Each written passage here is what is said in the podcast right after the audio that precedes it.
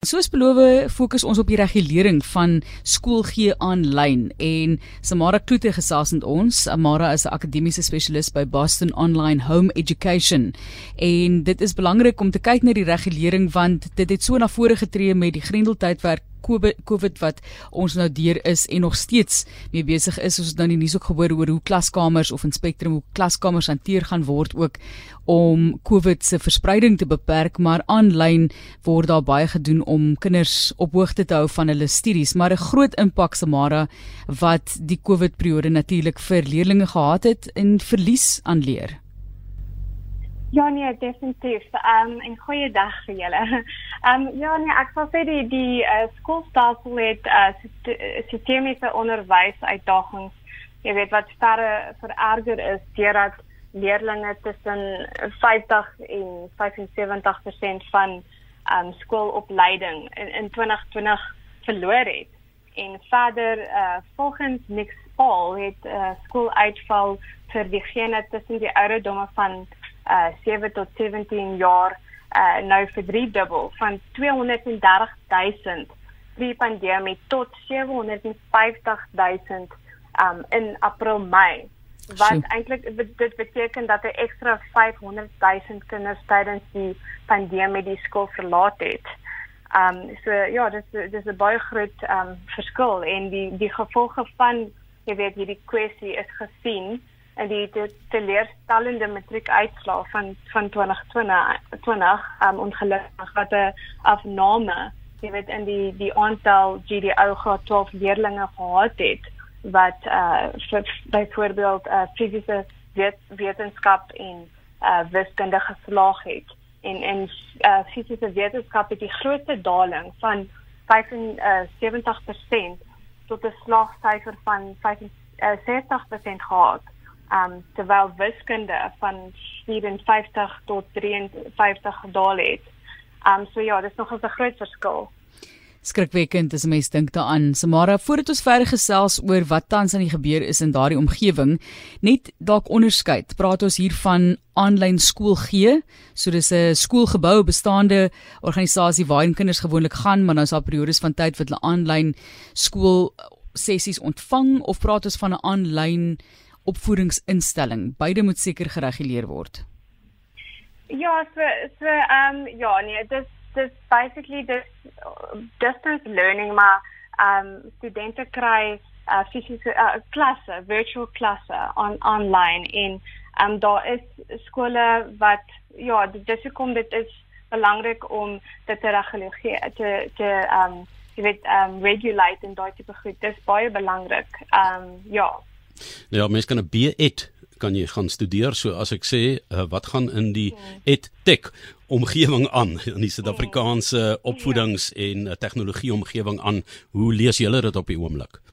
Wel, ek sal sê die aanlyn um, om, omgewing is is nie nuut nie. Ehm um, maar daar is 'n groot verspreiding in die aanlyn ruimte as ek dit so kan sê. So veral met die impak van uh, COVID-19 en ehm um, dit vra 'n uh, eh, oordeelkundige ouer om te verstaan waarna dit is om ehm um, op te let wanneer hulle besluit om die aanlyn roete saam met hulle kind te gaan en en met die uh, vinnige verspreiding van uh, virtuele skole ehm um, is die departement van onderwys 'n dringende uh, konsultasie met aanlyn skole om die virtuele skole raamwerk te finaliseer om die be beleids uh, vakuum in die virtuele onderwysruimte aan te spreek. En as ek kan net sê wat um meneer uh, Mweli, die direkteur-generaal van die Nasionale Alliance van um um onafhanklike skoolverenigings uh,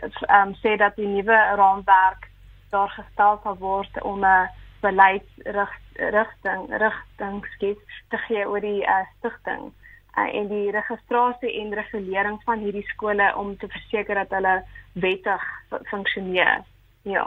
Goed, dis nou ongereguleerd op die oomblik. So, hoe sal daardie gereguleerdheid dan ehm um, impakteer of 'n invloed hê op virtuele onderwys? Ja, dit is noodsaaklik om die virtuele skoolomgewing te reguleer om te verseker dat leerders ehm um, uh toponderrig van kundige opvoeders en mentors ontvang en ons verwelkom die die DBO se ingryping om die virtuele skoolomgewing te reguleer ten einde kwaliteit onderwys te standaardiseer.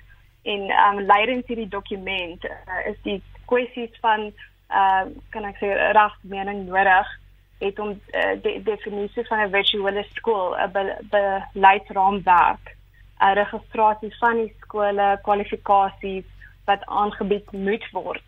En akkreditasie is ook baie belangrik en jy weet ehm um, ja, in die raamwerk dokument het ten doel om beleidsrigtinge te verskaf oor hoe om hierdie skole te registreer. En ehm um, ja, is is ook om die kwaliteitsstandaarde daar te verskaf. Ehm um, en en gemonitor te word en alhoewel daar baie kan ek sê Britse kurrikulums in Suid-Afrika beskikbaar is aanlyn, ehm um, vir seker slegs um, geregistreerde Cambridge Associate School of Swiss Boston ehm um, jy weet onderrig dat leerders die korrekte syllabus bestudeer ja. en toegang het om tot die tipe vrae en formate van die wat in die eksamen verwag word wat so belangrik is. Um, ja. Ja, ek het so 'n bietjie meer as 'n eh, wat was voor die Covid tydperk het ek gaan kuier daar by die Eries by die hoërskool Ermelo wat um, baie goed gedoen het met hulle tipe van aanlyn klasse en ook hulle buurskool Ligbron wat ehm um, uitstekende resultate behaal het, maar dan ook daardie wêreld oopgemaak het vir ander mense wat wil inteken. Hulle het party mense daardie ehm um, link gestuur en gesê nee, maar hulle is welkom waar mense sukkel veral met wiskunde en so meer waar hulle spesialiste gehad het. So dink jy dit kan onderwys baie meer inklusief maak?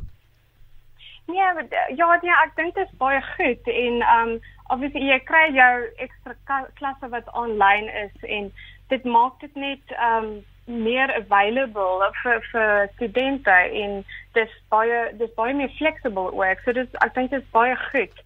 Um maar met so skole soos um moet ek sê um um soos um fisiese skole ja en online skole hulle moet regulated wees en dis dis baie belangrik Ja, ek dink ons het ook in die nuus het ons gelees dat oor die graad 12 leerdlinge dat daar gesê is jy moet 30% om universiteit toe te kan gaan, maar is nou 40% vir jou huistaal en dan moet jy sê jy die sewe vakke kan deurkom vir universiteitstoelating. So die terrein verander, uh, maar ons opvoedingsstelsel, ons onderwysstelsel word deur sistemiese uitdagings, ehm um, jy weet in die gesig gestaar.